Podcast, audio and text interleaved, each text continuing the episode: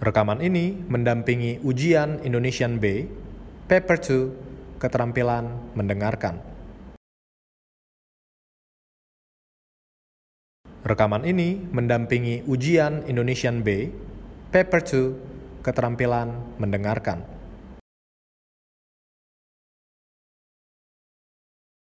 Rekaman ini mendampingi ujian Indonesian B, Paper 2, Keterampilan Mendengarkan.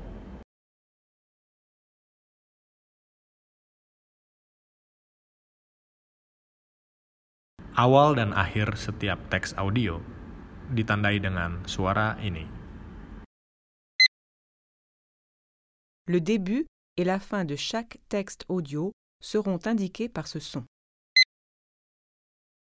El inicio y el final de cada texto de audio se indicarán con este sonido. Akhir ujian ditandai oleh suara ini.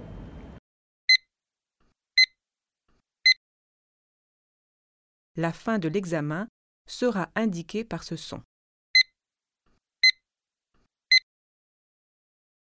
El final del examen se indicará con este sonido.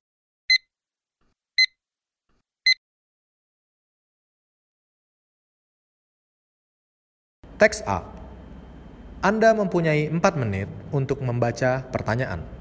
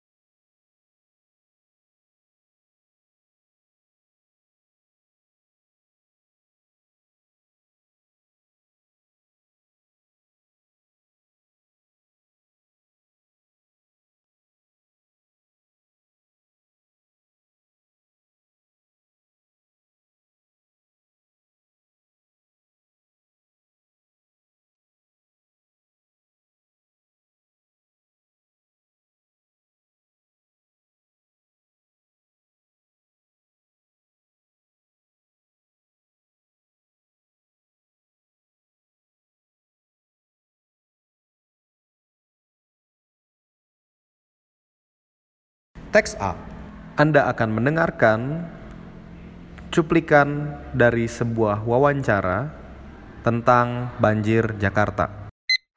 Ya ini adalah segmen penutup karena segmen penutup saya ingin kembali lempar ke korban banjir Jakarta Pak Syahrul Partawijaya. Tadi Anda mendengarkan perdebatan, Anda mendengarkan perbincangan. Menjadi semakin yakin akan kemampuan Pemprov menangani ini atau menjadi tambah tidak yakin? Tidak yakin. Tidak yakin. Kok lemes banget Pak? Kenapa tidak yakin ya? harus kebanjiran soalnya. Masih kebanjiran Pak Syahrul? Ya masih kebanjiran. Tidak yakin? Tadi kan banyak mendengar dari Pak Sekda berbagai uh, program, mendengar DPRD akan bikin pansus. Ada harapan dong? Harapan sih ada ya. Dan kita selalu berharap justru karena kita punya harapan supaya Pemprov bekerja lebih baik, maka kita lakukan gugatan class action. Ya. Jadi bu- intinya bukannya kita melulu soal uang, soal ganti rugi, tapi kita ingin memberikan suatu proses pembelajaran. Ya. bahwa pejabat itu akan dituntut tanggung jawabnya. Apalagi pejabat publik yang sangat prestisius posisinya seperti gubernur DKI. Karena dia akan menerima anggaran yang paling besar dari pembayaran pajak seluruh warga DKI. Jadi Oke. intinya adalah kita pengen Pemprov itu jauh lebih bagus, Jakarta itu jauh lebih eh, realistis, lebih bagus, lebih indah, lebih Oke. tertata. Itu Dan yang, aja dan yang pasti jangan banjir lagi. jangan banjir lagi. Jangan Terserah banjir mau, lagi. mau naturalisasi Iya. atau victimisasi, whatever terserah. Yang penting tidak banjir. Yang penting Oke? tidak banjir. Oke. Saya, saya- eh, si- waktunya tinggal sedikit, tidak, tidak semuanya bisa closing statement karena ini saya mau menantang dua calon wakil gubernur. Ini dua-duanya yang satu dari PKS, yang satu dari Gerindra. Akan ada pemilihan eh, orang nomor dua di DKI nanti tanggal 7 atau tanggal 14 Maret kalau saya tidak salah. Jadi dua orang ini. Saya mau ke Pak Nurmansyah dulu. Kalau Anda terpilih, apa hal pertama yang akan Anda katakan ke Pak Anies terkait banjir? Pak Anies, saya wagub bukan ban serep. Tapi saya tidak akan menjadi matahari kembar. Saya akan bekerja keras di dapur sebagai chef, mengelola ingredient makanan supaya masyarakat Jakarta seperti Pak Sahrul tadi jangan mengalami banjir lagi. Kita kerja keras, saluran mikro kita perbaikin, waduk kita buat, cakung drain kita selesaikan, Garden City itu kan karena cakung drainnya nggak kelar. Cakung drain itu harus 36 meter, sekarang tinggal 4 meter. Jadi mau nggak mau harus. Kemudian yang paling penting adalah Pak Anies, kita sekarang baik-baik koordinasi dengan Presiden. Anda mempunyai dua menit sebelum mendengarkan rekaman untuk kedua dan terakhir kalinya.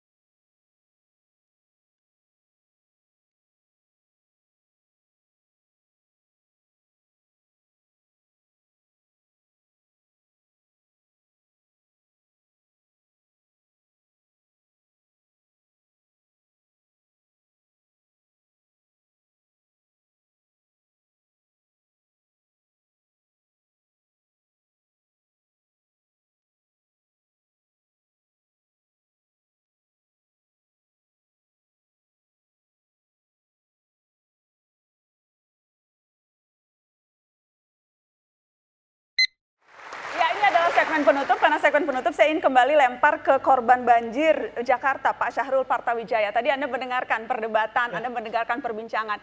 Menjadi semakin yakin akan kemampuan Pemprov menangani ini atau menjadi tambah tidak yakin? Tidak yakin. Tidak yakin. Kok lemes banget Pak? Kenapa tidak yakin ya? Masih kebanjiran Pak Syahrul? Ya masih kebanjiran. Tidak yakin? Tadi kan banyak mendengar dari Pak Sekda berbagai uh, program, mendengar DPRD akan bikin pansus. Ada harapan dong? Harapan sih ada ya. Dan kita selalu berharap justru karena kita punya harapan supaya Pemprov bekerja lebih baik, maka kita lakukan gugatan class action. Ya. Jadi bu, intinya bukannya kita melulu soal uang, soal ganti rugi, tapi kita ingin memberikan suatu proses pembelajaran Ya. bahwa pejabat itu akan dituntut tanggung jawabnya, apalagi pejabat publik yang sangat prestisius posisinya seperti gubernur DKI, karena dia akan menerima anggaran yang paling besar dari pembayaran pajak seluruh warga DKI. Jadi Oke. intinya adalah kita pengen pemprov itu jauh lebih bagus, Jakarta itu jauh lebih eh, realistis, lebih bagus, lebih indah, lebih Oke. tertata. Itu Dan yang, aja. dan yang pasti jangan banjir lagi. Jangan banjir lagi. Jangan Terserah banjir mau, lagi. mau naturalisasi Iya. Atau vikinisasi, whatever terserah. Yang penting tidak banjir. Yang penting Oke? tidak banjir. Oke. Saya, sa- uh, si- waktunya tinggal sedikit, tidak, tidak semuanya bisa closing statement karena ini saya mau menantang dua calon wakil gubernur. Ini dua-duanya yang satu dari PKS, yang satu dari Gerindra. Akan ada pemilihan uh, orang nomor dua di DKI nanti tanggal 7 atau tanggal 14 Maret kalau saya tidak salah. Jadi dua orang ini. Saya mau ke Pak Nurmansyah dulu. Kalau Anda terpilih, apa hal pertama yang akan Anda katakan ke Pak Anies terkait banjir? Pak Anies, saya Wagub bukan ban serep. Tapi saya tidak akan menjadi matahari kembar. Saya akan bekerja keras di dapur sebagai chef, mengelola ingredient makanan supaya masyarakat Jakarta seperti Pak Sahrul tadi jangan mengalami banjir lagi. Kita kerja keras, saluran mikro kita perbaikin, waduk kita buat, cakung drain kita selesaikan, Garden City itu kan karena cakung drainnya nggak kelar. Cakung drain itu harus 36 meter, sekarang tinggal 4 meter. Jadi mau nggak mau harus. Kemudian yang paling penting adalah Pak Anies, kita sekarang baik-baik koordinasi dengan Presiden. Anda mempunyai 2 menit 30 detik untuk menjawab semua pertanyaan sampai selesai.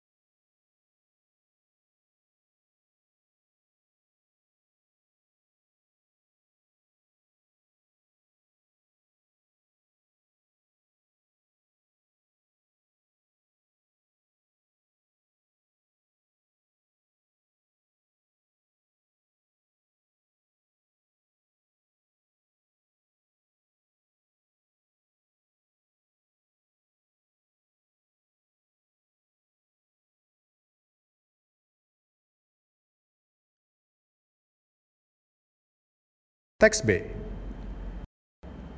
Anda mempunyai 4 menit untuk membaca pertanyaan.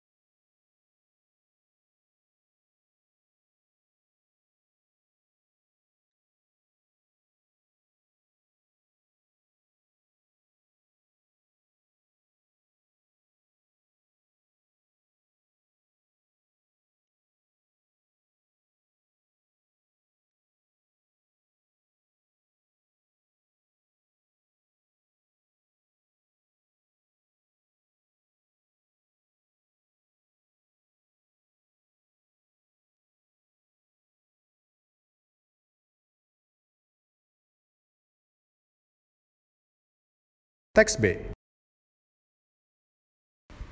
Anda akan mendengarkan konferensi pers dari Menteri Kesehatan Indonesia tentang virus corona.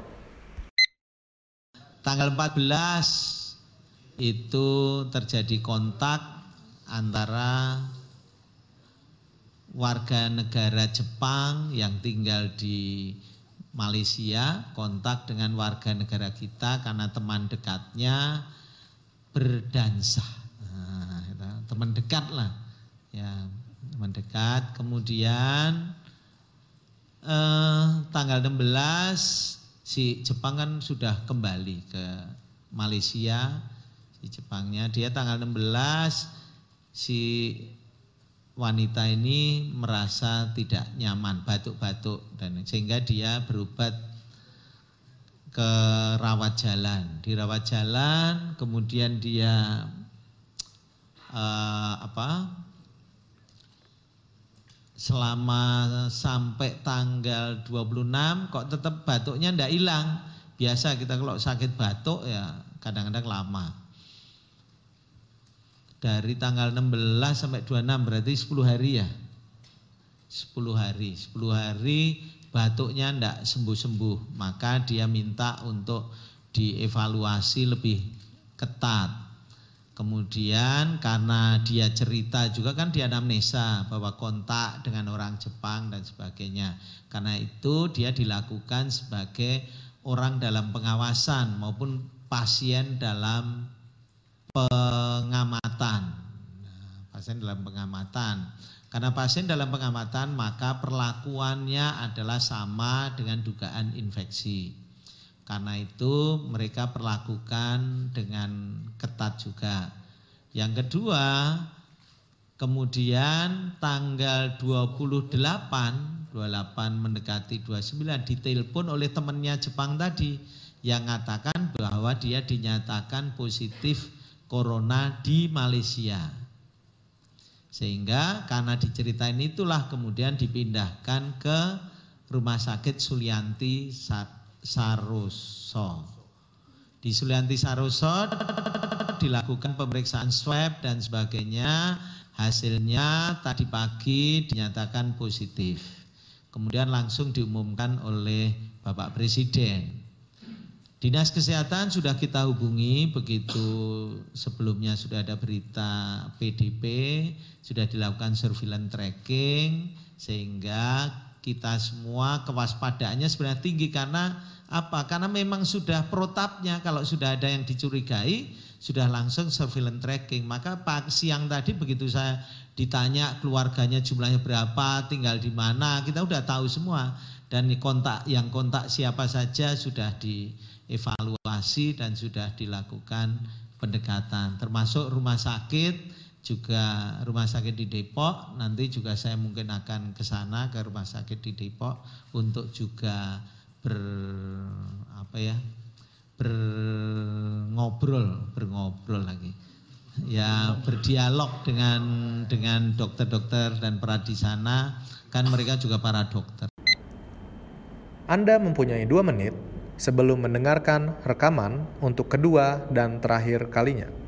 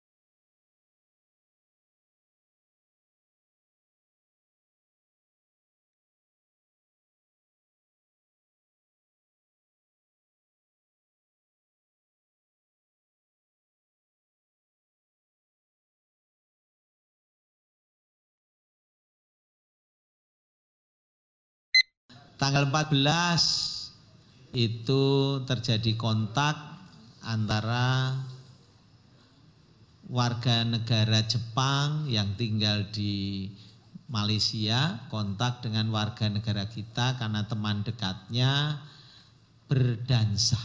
Nah, teman dekat lah, ya teman dekat. Kemudian eh, tanggal 16 si Jepang kan sudah kembali ke Malaysia, si Jepangnya dia tanggal 16 si wanita ini merasa tidak nyaman, batuk-batuk dan sehingga dia berobat ke rawat jalan. Di rawat jalan kemudian dia uh, apa? Selama sampai tanggal 26 kok tetap batuknya ndak hilang. Biasa kita kalau sakit batuk ya kadang-kadang lama dari tanggal 16 sampai 26 berarti 10 hari ya.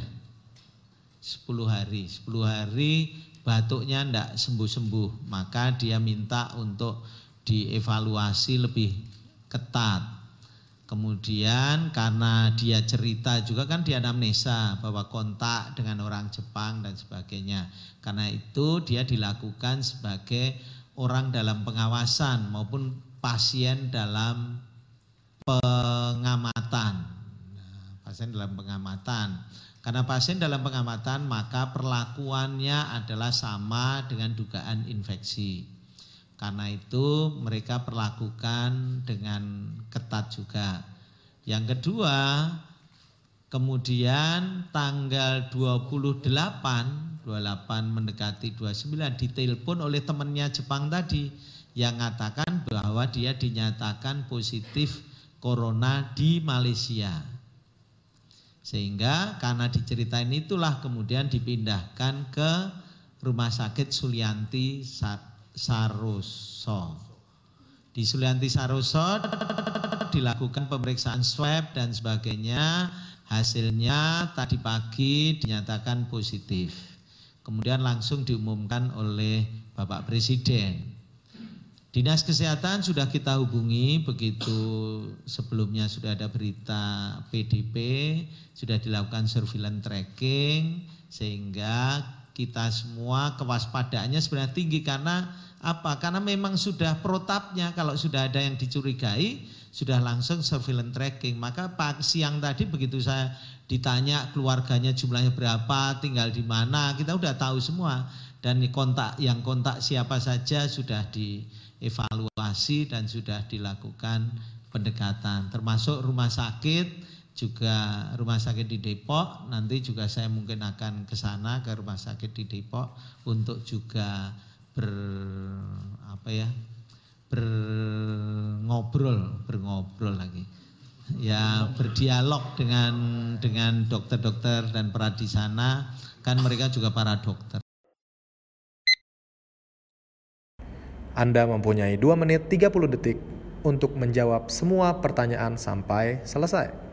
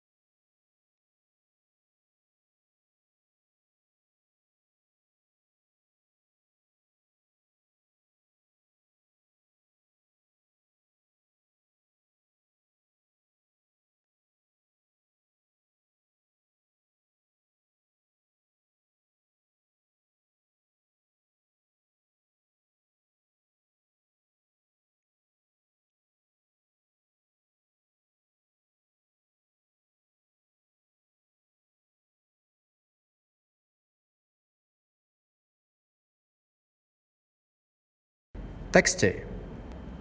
Anda mempunyai 4 menit untuk membaca pertanyaan.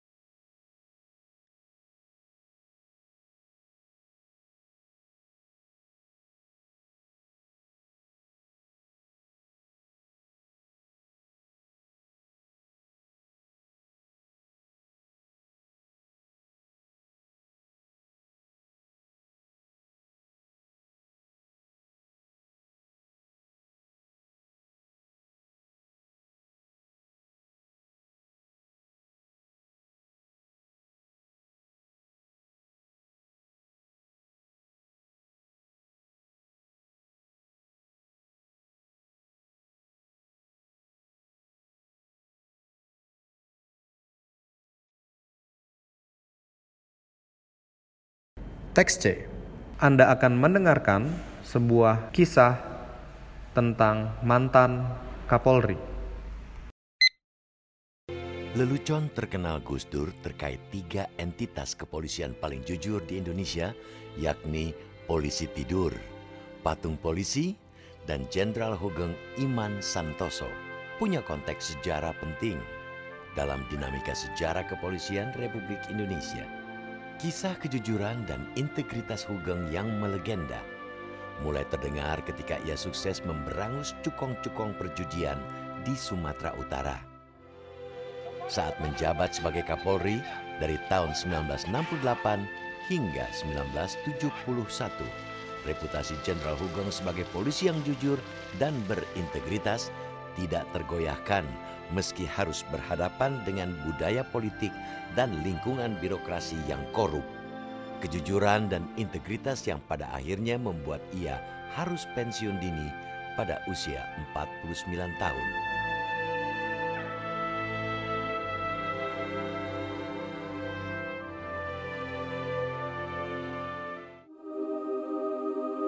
Hugeng Iman Santoso lahir di Pekalongan, Jawa Tengah pada tanggal 14 Oktober 1921. Setamat dari Mulo atau setingkat SMP di Pekalongan, Hugeng hijrah ke Yogyakarta untuk melanjutkan pendidikan AMS atau SMA dengan penjurusan sastra barat.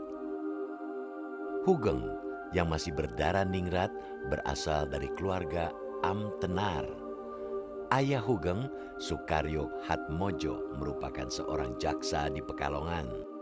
Latar belakang keluarga ini di kemudian hari mempertemukan Hugeng dengan kerabat ayahnya, Ating Nata di Kusuma, Kepala Jawatan Kepolisian Keresidenan Pekalongan. Dari sosok Ating Nata di Kusuma inilah Hugeng terinspirasi untuk menjadi perwira polisi dan memilih melanjutkan kuliah di RHS atau Recht Hoge School, Sekolah Tinggi Hukum Batavia, sebagai dasar untuk melanjutkan ke Sekolah Komisaris Polisi di Sukabumi. Pada zaman 45 itu beliau masih sebagai seorang mayor angkatan laut ya. Pada saat itu kan mau pangkat, mau angkatan apa juga main dikasih aja.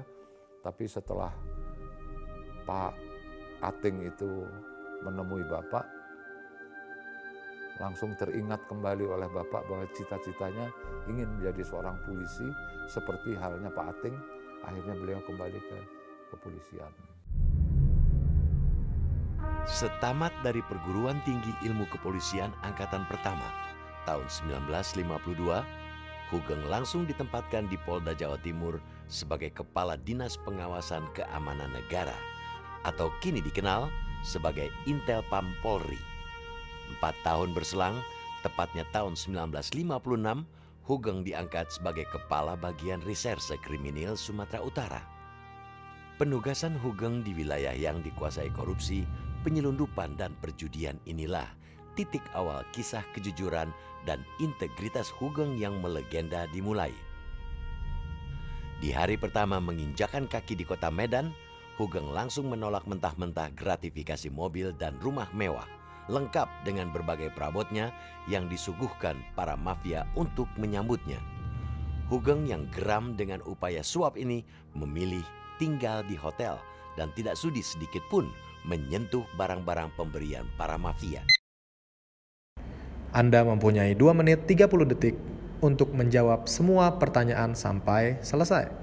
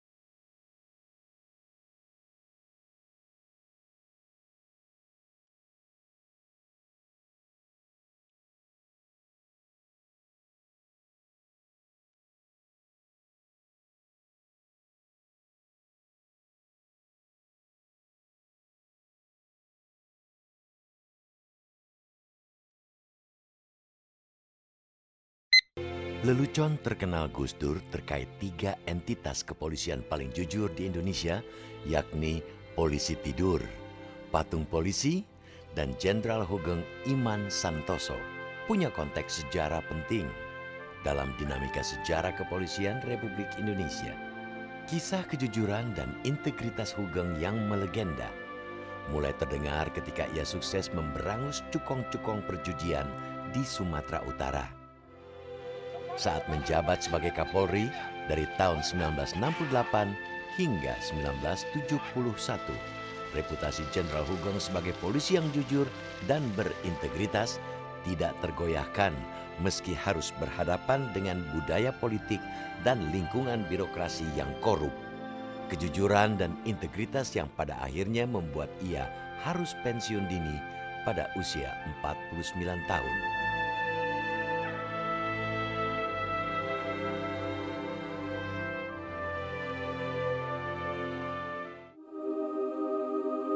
Hugeng Iman Santoso lahir di Pekalongan, Jawa Tengah pada tanggal 14 Oktober 1921. Setamat dari Mulo atau setingkat SMP di Pekalongan, Hugeng hijrah ke Yogyakarta untuk melanjutkan pendidikan AMS atau SMA dengan penjurusan sastra barat. Hugeng yang masih berdarah ningrat berasal dari keluarga Am Tenar Ayah Hugeng, Sukaryo Hatmojo, merupakan seorang jaksa di Pekalongan. Latar belakang keluarga ini di kemudian hari mempertemukan Hugeng dengan kerabat ayahnya, Ating Nata di Kusuma, Kepala Jawatan Kepolisian Keresidenan Pekalongan. Dari sosok Ating Nata di Kusuma inilah Hugeng terinspirasi untuk menjadi perwira polisi dan memilih melanjutkan kuliah di RHS atau Recht Hoge School, Sekolah Tinggi Hukum Batavia, sebagai dasar untuk melanjutkan ke Sekolah Komisaris Polisi di Sukabumi. Pada zaman 45 itu beliau masih sebagai seorang mayor angkatan laut ya. Pada saat itu kan mau pangkat, mau angkatan apa juga main dikasih aja.